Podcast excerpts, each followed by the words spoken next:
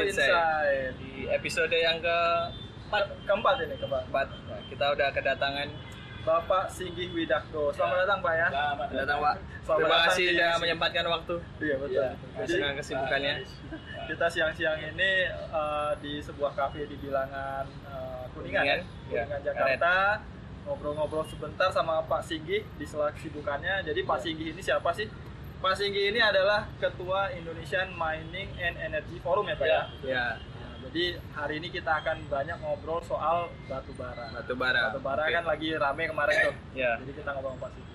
Jadi Pak Singgi mungkin eh, bisa diceritakan sebelum ke batu baranya Ketua Forum Indonesian Mining and Energy Forum itu asosiasi ataupun organisasi yang seperti apa, Pak? Ya. Sebenarnya ini eh, sebagai semacam eh, ide lah dari beberapa teman kumpul yang eh, kita beberapa orang yang concern terhadap mining dan energi. Oke. Dan ini kita dirikan di saat eh, Pak Jokowi menyalonkan itu, Oh, menyalonkan oh. ini di tahun berapa sehingga kita concern eh, lebih kepada bagaimana pemerintah punya kebijakan, ke, eh, punya kebijakan Ya. dan kita eh, meletakkan pengalaman kita untuk kita sampaikan apakah eh, untuk masukan sehingga intinya ini itu lebih, ke- lebih kepada memberikan masukan Oke. eh, mengenai kebijakan yang terkait dengan mining dan energi dari sisi kita yang secara praktis memang bekerja di eh, industri mining. Jadi semacam forum praktisi atau Ya, yang praktisi. bergerak di bidang energi and mining Ya, yang membantu memberikan ya kita tidak Dan masukan tidak hanya memberikan pandangan dari sisi eh, keteknikan Hmm. terhadap kebijakan yang terkait dengan industri Oke. Main Pak Singgi ini sebut-sebut calon menteri juga. Oh ya. Kemarin di telepon nggak Pak pas kita mantri ya. Oke, Pak. Mas Singgi, eh, kita ngomongin batu bara Pak. Akhir-akhir kemarin tuh terutama pas sudah Iya. dekat pemilu kan cukup rame tuh batu bara dibahas, apalagi keluar Video. film dokumenter ya, Sexy Iya. Killers ngomongin Iya. batu bara. Nah, pertanyaan pertama ini Pak, Eh, bisa Pak Singgi jelaskan sedikit nggak sih Pak bisnis batu bara di Indonesia itu secara umumnya gambarnya seperti apa sih Pak? Sebenarnya eh, bisnis batu bara secara umum ya memberikan harapan ya. Eh, cuma memang harus diletakkan ini yang perlu digeser, yang dulu arahnya batu bara sebagai sekedar sebagai komoditas, Hmm. memang melihat permasalahan ke depan harus diletakkan batu bara mulai ditarik menjadi energi. Oke. sehingga sekarang memang pemerintah juga sudah menyadari hal tersebut sehingga yang dulu batu bara sekedar diletakkan sebagai revenue driver untuk pendapatan negara sekarang dialihkan kepada untuk mendukung pembangunan nasional berkelanjutan Oke. nah, itu sehingga kalau kita lihat dari sisi bisnisnya batu bara ya memang kita baru lahir sekitar tahun 90-an awal. Karena hampir kontrak generasi pertama khususnya perusahaan besar yang menguasai 70% produksi nasional itu rata-rata melakukan kontrak di awal tahun 80-an dan initial production-nya, commissioning production-nya di tahun 8 ke 90-an sehingga relatif kita belum lama dibandingkan Australia saat itu Oke. Nah, sehingga ya biasalah kalau dari sisi ditanyakan industri ya naik turun lah tapi eh, melihat kepentingan energi ke depan melihat bagaimana peran batubara untuk TNT untuk listrikan untuk kompetisi karena batubara secara eh, operasional lebih murah ya memang mau tidak mau batubara ya masih eh, menjanjikan dalam pengertian diletakkan sebagai industri strategis yang bagi pemerintah tetap harus didukung cuma Oke. eh, intinya satu harus mulai digeser antara batubara sebagai sebatas komoditas jadi harus diletakkan di depannya batubara sebagai energi Sebagai energi ya. Ya. Oke. Kalau tadi arahnya ke pembangunan Pak, itu pembangunan nasional kan? Ya. Itu seberapa penting Pak industri ini dalam pembangunan nasional? Jadi, kalau pembangunan kita kan mau tidak mau kan arahnya bagaimana pemerintah kan me- meletakkan visi jangka panjangnya. Hmm. Dan visi jangka panjang adalah nanti juga terkait dengan bagaimana pertumbuhan ekonomi dari negara itu. Dengan pertumbuhan ekonomi akan melihat pertumbuhan eh, energi listriknya. Oke. Nah, di sisi lain pemerintah juga sudah memiliki DEN, Dewan Energi Nasional yang dipimpin oleh Pak Presiden sendiri yang ketua hariannya adalah menteri yang terkait energi dalam ini Hmm. kemungkinan saat, saat ini diambil oleh SDM. SDM. Nah, BSDM. dengan dia dia memberikan ruang rencana umum energi nasional di situ ada bauran energi kan Hmm. misalnya tahun ini batu bara diletakkan 33 persen Hmm. tahun 2025 menjadi 30 persen 2050 mungkin eh, menjadi 25 persen 25%, ya. tapi renewable didorong dari saat ini tahun 2025 23 persen nanti setelah tahun 50 baru mungkin ya nanti pertumbuhan batu baranya itu otomatis pemerintah guideline-nya mengikuti bagaimana bauran energi itu dibangun Oke. Nah, itu itu sehingga dia itu lebih mendukung bagaimana energi kelistrikan khususnya bangun selain juga energi non kelistrikan seperti kebutuhan batu bara untuk semen, Hmm. untuk untuk industri kecil itu juga perlu batu bara. Tidak eh, sebatas kelistrikan, cuma memang mayoritas adalah batu bara itu dipakai Untuk sektor kelistrikan. ya? Oke. Oke, terkait eh, potensi batu bara di Indonesia ya Pak? Ya, Indonesia kan salah satu eksportir batu bara terbesar dunia ya Pak ya? terbesar di dunia nomor satu. Nomor satu Nomor ya? satu. Ya. Dan cadangannya pun kalau kemarin saya lihat presentasi teman di Dirjen Minerba Ya. itu reserve-nya sekitar lebih kurang 50 miliar ton. Risetnya 51 sekarang. 51 miliar ton. Resource-nya eh, Sumber dayanya 151 150. sekarang sudah 151. Artinya besar sekali ya Pak ya? Eh, dikatakan besar yang enggak dibandingkan Cina dan India kita ya jauh kalah lah. Jauh kalah ya. Ya, Kita dari cadangan dunia mungkin batu bara kita nomor 7. 7 ya. Nomor tujuh. Tapi- Tapi kita itu hanya 3% dari seluruh tajangan batu bara dunia. Oh, oke. Iya. Iya. Tapi kalau sumber daya tadi bisa jadi cadangan, jadi besar ya. Oh, bisa ya, relatif besar ya. Betul betul. Em, nah cadangannya kan kalau kita lihat eh, lumayan besar lah ya Pak. Iya. Dari peringkat dunia nomor 7 dengan potensi sumber daya dan cadangan yang ada seperti ini, baiknya diapakan itu cadangan Pak? menurut saya gini mas yang kita harus meletakkan dulu besar kecil itu bukan pada angka kualitatif tapi pada angka kuantitatif Hmm. karena kepastian kita ke depan kebutuhan energi itu lebih pada diletakkan kuantitatif Oke. makanya dengan berpikir kuantitatif yang memang perlu dipikirkan adalah satu bagaimana kita mendorong kembali batu bara menjadi energi yang makanya kembali lagi tadi saya cerita dulu bahwa di Cina dulu eksportir terbesar batu bara bukan Indonesia Cina. Oh, tahun iya. 90-an Indonesia nomor 5 kita kalah dengan Kolombia, South Africa, Cina. Tapi Cina menyadari substitusi impornya next 50 tahun dari tahun 90-an itu eh, nanti bisa biaya terlalu tinggi bagi pemerintah untuk substitusi minyak. Dia melakukan switch switching dari negara eksportir batu bara negara importir Eh, Nah, India bisa menjadi contoh bahwa dia meletakkan batu bara bagus sebagai energi karena India punya visi adalah bahwa full resources for power plant development. Sehingga tidak ada ekspor batu bara. Memang investor mau invest di dalam negeri pun untuk mendukung listrikan. Nah, Indonesia itu memang tidak bisa sebetulnya kita mengatakan tidak ekspor juga. Karena Hmm. apa?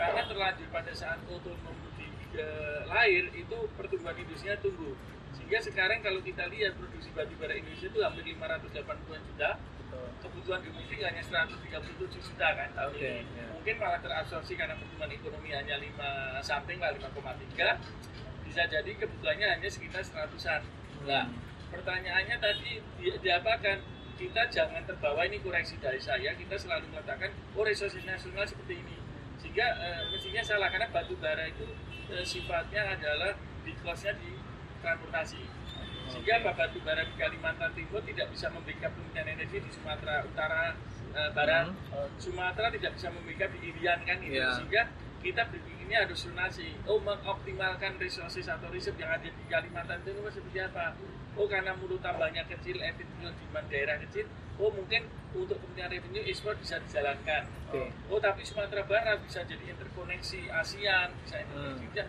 mungkin mulut tambang yang besar-besar ada di Sumatera bisa sehingga kehati-hatian atau pemakaian batu bara resources atau reserve-nya tadi itu harus diletakkan pada eh, pola berpikir zonasi jadi Oh. jangan terjebak nasional nanti menjadi bias gitu. Oke. ya Kalau tadi produksinya kan sampai 500 pak, kebutuhan dalam negeri 100 ya. Berarti sisanya itu diekspor semua ya Iya, sekarang ya? diekspor dan kita Oke. ekspor itu hanya dua negara prospek ekspor terbesar adalah Cina dan India makanya kita itu didorong untuk mendorong kebutuhan domestik semakin tinggi karena begitu Cina menurunkan atau India menurunkan Hmm. julak makanya istilahnya itu bahasanya sederhana itu Cina bato itu Indonesia sudah bisa kena flu-nya itu loh Oke. karena itu sensitif sekali karena kita hanya punya dua pasar besar India dan Cina Kalau dalam Ruen itu kan Pak nanti Indonesia kan batasnya kalau nggak salah cuma produksi 400 ya. Ya. Dan nggak boleh ekspor lagi tahun 2000 berapa ya? 46 atau Ya, oh. Berarti sampai Nah, dari kalau- sekarang sampai besok masih ekspor Nah, terus ya? justru justru Ruen waktu dibangun di awal di Hmm. Ruen itu kan dikatakan ekspor di tahun 2007 ini udah 400 Ya. di 2018 kan 413 habis itu 400 terus kan sampai Ya. 2040 kan ya pertanyaannya pada saat Ruen dibuat, dibuat itu eh, Ruen dibuat eh, tidak paralel dengan bagaimana on- kondisi industri tumbuh Oh, sehingga oke. sekarang jumlah PKB 2B68 yang yang operasi 61-an Hmm. jumlah IUP itu 1161 yang IUP operasi produksi sudah 1151 sehingga antara dinamika pertumbuhan industri dan tuntutan klien menjadi tidak mudah untuk dipertemukan Hmm. sehingga kalau katakan ini 400 ini harus banyak yang dimatikan Oke. Nah kalau ini Oh, dimatikan, gitu. padahal ini juga perusahaan yang sifatnya legal menjadi tidak mudah. Makanya konsolidasi dari pemerintah pusat kepada daerah atau dilahirkan adanya konsolidasi untuk mengontrol produksi nasional agar sesuai RUN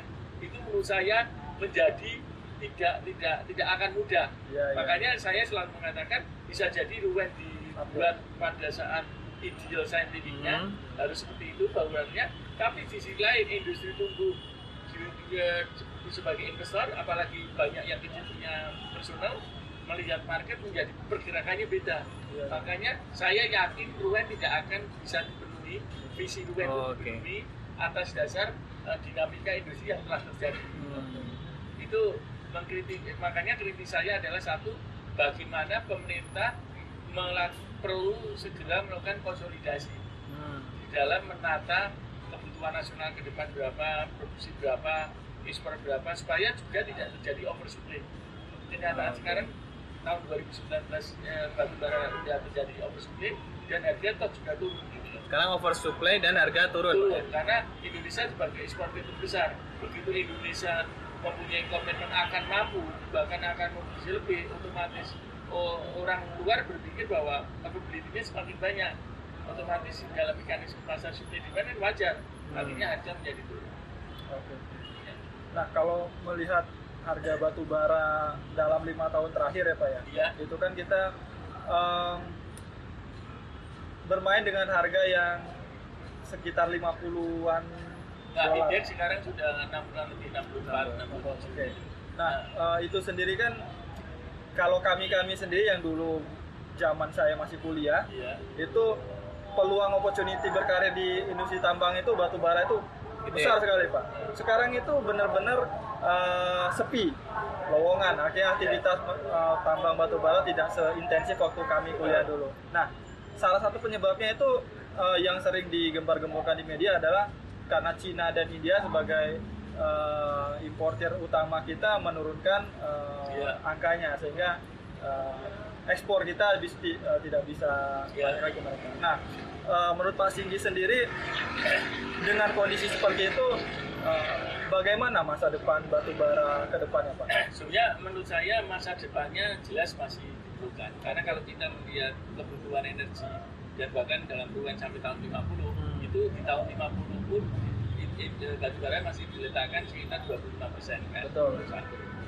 yang kedua eh, bahwa Cina akan mengurangi impor atau India itu tentunya logis dan itu domain atau keputusan negara tersebut karena Oke. bisa jadi satu keputusan atas dasar kebersihan seperti Cina karena memang pengaruh emisi dan dia sudah ratifikasi uh, agreement Perjanjian Paris Paris. COP 23 lah Ah. gitu. Nah, sehingga ya tidak salah bagi dia untuk mengurangi batu bara dan akhirnya di sisi lain juga akan ada pertumbuhan renewable teknologi yang mau tidak mau memang dari sasaran kan sehingga juga kita lihat solar semakin murah Ya. Nah, walaupun baterai relatif ini sudah turun dengan solar itu hal yang harus kita lihat Iya, iya. sehingga saya melihat ya kembali lagi bahwa potensi ini masih ada kalau potensi industri masih ada berarti kan eh, kesempatan tenaga kerja masih terabsorpsi cuma pertanyaannya seberapa besar kan? Seberapa besar itu?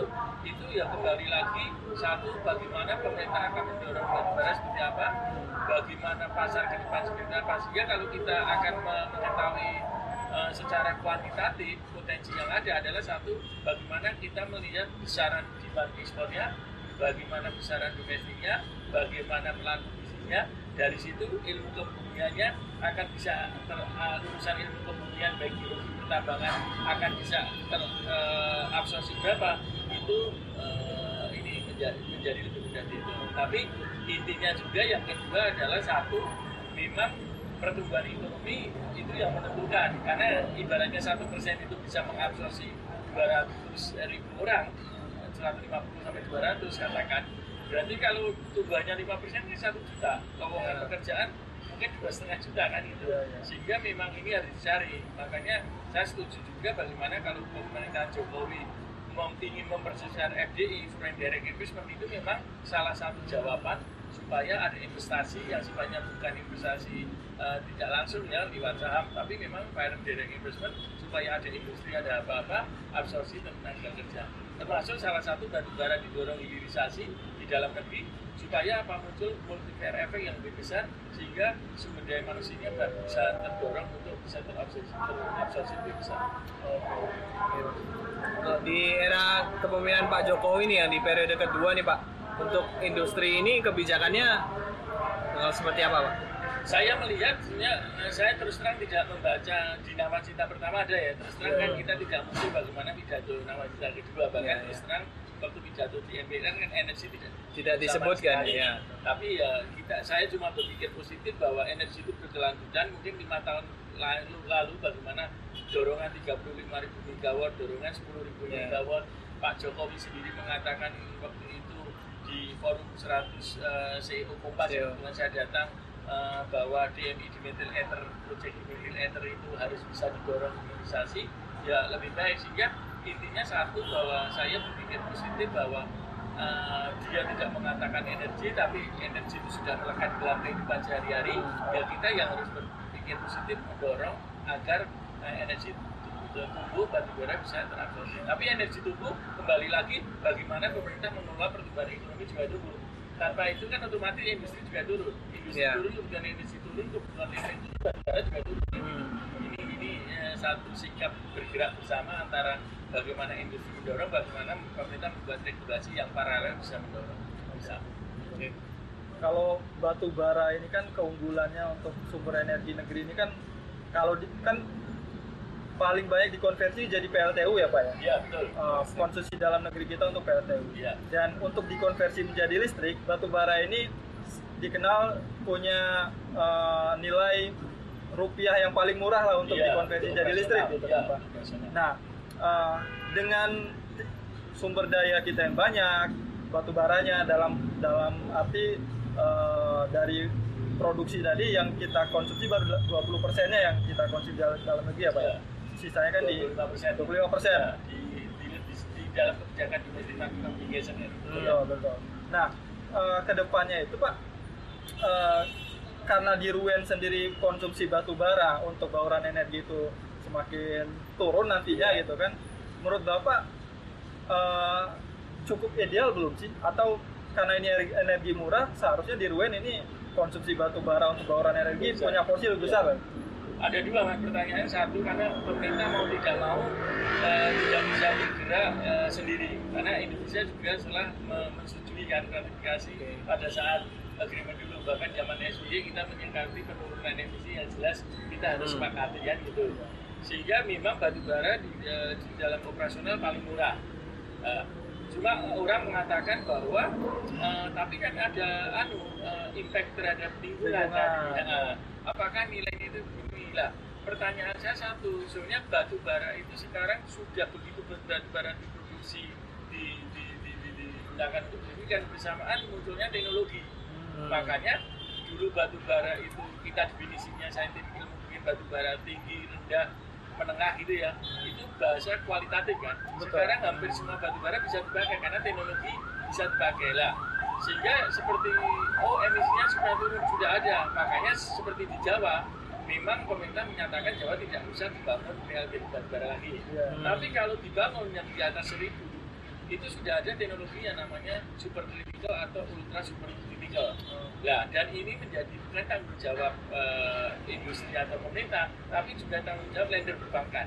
Kalau orang mau membangun PLTU batubara besar tanpa teknologi di atas 600 uh, megawatt, tanpa dengan ultra super critical dan super critical, perbankan juga tidak akan membiayai. Oh. Sehingga seolah-olah eh, lingkungan ini menjadi tanggung jawab satu atap. Kita berdiri semua satu atap di dalam kebumian, di dalam sehingga semua perjalanan lainnya juga bertanggung jawab. Nah, ini sehingga saya selalu mengatakan bukan dengan eh, kondisi satu eh, berdirinya batu bara, yang kedua teknologi sudah ada, eh, cost tadi operasinya murah, maka pertanyaan saya atau ungkapan saya adalah satu bukan mengatakan selamat tinggal batu bara tuntutannya, tapi selamat datang teknologi batu bara Oh, atau selamat datang teknologi bersih batu bara itu yang justru penting dibandingkan kita bicara eh, negatif selamat tinggal batu bara ini menjadi Oke. jawaban. Jadi teknologinya sekarang memang sudah Sudah, sudah ya, Pak, proven ya? semua. Oh, oke. Bahkan pembangunan nanti di Jawa Tengah, Ah. di Cirebon itu sudah memakai ultra super critical sehingga otomatis dia bisa mengeliminir eh, impact terhadap emisi yang ada. Oke. Ya.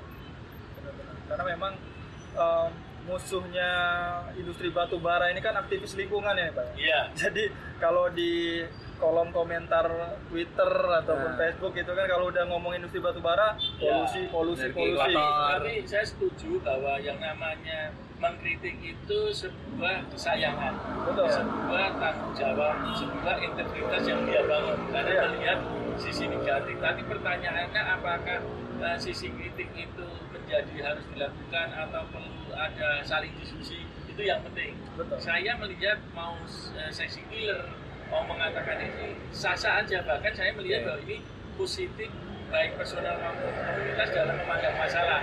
Oh dia memberikan kepentingan kita. Makanya justru kita yang mencari jawaban. Oh kalau saya killer dia bicara dengan lubang tambang banyak, Ya. ya kita kita kembalikan feedback masukan bahwa penambangan supaya good mining practice terbangun di mana-mana itu harus ada. Oh ada tuntutan bahwa ini lingkungan supaya kotor. Ah, ya berarti pemerintah dan industri harus melawannya dengan oh bagaimana supaya bersih muncul kontra. Ya, sehingga apa? Ya menurut saya yang namanya sebuah kritik menurut saya sebuah masukan, sebuah integritas dari seseorang yang harus kita eh, akomodir dengan sebuah sikap positif pada saya seperti itu. Oke, oke, setuju, setuju. Tapi mas, sekarang tuh mas ke tadi pak ke yang seksi killer itu, Cuman sekarang masih banyak seperti di Kalimantan itu yang lingkungan tambangnya di luarnya tuh nggak good mining practice gitu. Iya, ya masih banyak juga. Masih Tapi kita banyak. harus kalau kita mau mendetekan karena ini masalah teknis, kita harus lihat apakah ini ada di wilayah IUB Oh, oke. atau di wilayah eh, PKB 2 besar. Hmm. 70% PKB 2B. Tapi kalau saya melihat adalah di UB. Makanya saya selalu mengatakan di dalam tulisan-tulisan opini saya bahwa untuk mengontrol produksi UB itu semestinya bukan bicara katakan atas dasar pemenuhan DMO maka dia berkewajiban produksi dibatasi sekian katakan empat kali lah. Dia memenuhi DMO nya X maka produksi maksimum empat kali X memenuhi UB kalau saya lebih cenderung pembatasan itu pada aspek lingkungannya. Kalau bahasa orang geologi kita geologi sama-sama adalah kalau luasan tambang sekian maka batu bara lapisannya kemiringan sekian Hmm. interburden atau overburdennya sekian nanti base-nya eh, mekanisme mining plan-nya seperti ini base-nya dibuang seperti ini maka maksimum produksi sekian sehingga begitu maksimum produksi itu dihitung atas dasar saintifik eh, mining scientific atau environment base Ya. itu orang tidak akan bisa eh, me- melawan karena itu dasarnya saintifik bukan dasar eh, apa ya dasar angka yang masih bisa diperdebatkan itu untuk untuk bagaimana pemerintah harus melakukan konsolidasi dengan IOP yang yang justru sebagian good mining practice itu tidak dilakukan justru oleh perusahaan-perusahaan kecil. Ya. Ya, Jadi kalau eh, pertanyaan berikutnya ini Pak ya, untuk kalau tadi kan kita udah cerita tentang gambaran industri Ya. batu bara, terus bagaimana peran industri ini terhadap pembangunan nasional, juga Jokowi Maruf Amin di periode yang sekarang itu akan seperti apa. Nah berikutnya itu ini Pak, kita pengen berbagi eh, pandangan sebenarnya, Ya. karena banyak eh, yang mengatakan industri batu bara itu sudah seharusnya digantikan dengan renewable energy atau Iya. energi yang lebih bersih lah. Iya. Nah, tapi kan kalau energi batu bara tadi lebih murah, yang ini lebih mahal nih Pak. Iya. Nah, menurut Pak Singgi sendiri, kalau kita em, memandang kebutuhan Indonesia ke depan, baik jangka pendek, menengah atau panjang, em, seberapa harusnya kita untuk segera mensubstitusi ini dari energi batu bara ke energi yang lebih bersih? Hmm. Kalau saya jelas bagaimana konsentrasi kita dalam merealisasikan, mengimplementasikan UN-nya tadi. Sehingga seperti UN, sebenarnya renewable energy di tahun 2025 itu kan 23 persen. Ya. Eh, kenyataan yang ada sekarang baru 12 persen. Ya. Mungkin ini lambat. Lambatnya karena apa? Pada saat ini dibangun kan memang pada saat itu orang mengatakan ini mahal atau murah kan Ya. gitu. Sehingga saat itu solar demikian mahal, tapi Ya. solar demikian murah. Jika kalau kita membangun energi surya katakan di Jawa, mungkin dengan BBB-nya harga listrik di Jawa ya kelihatan terlalu mahal. Tapi kalau kita bandingkan membangun surya di wilayah Indonesia bagian Timur. timur, bisa jadi memang lebih murah, Murah, ya. daripada uh, BBB-nya sana orang membangun PLTU. Oke. Sehingga menurut saya uh, Indonesia harus bagaimana di dalam meletakkan keseimbangan dikembalikan kepada RUN tapi dengan konsistensi. Konsistensi apa? Adalah satu, memang kalau renewable dikembangkan, ya memang ada cost bahwa ada cost ya katakan orang mau membangun sampah lah katakan PLTU sampah gitu orang tidak bisa mengatakan kok harga listriknya mahal Ya, memang yang harus dibayar adalah satu adalah supaya sampah bisa eh, menjadi relatif minimal sehingga bisa terbakar. Oh ini kalau kok renewable menjadi mahal, tapi ma- ma- mahalnya terbayar dengan lingkungan yang bersih. Hmm. Lingkungan yang bersih menjadi eh, mungkin eh, lab eh, time-nya seseorang menjadi lebih lebih Panjang, tinggi, panjang. national life expectancy-nya lebih tinggi. Sehingga apa? Kalau lifetime-nya lebih tinggi, maka apa? Maka eh, orang lebih sehat kan?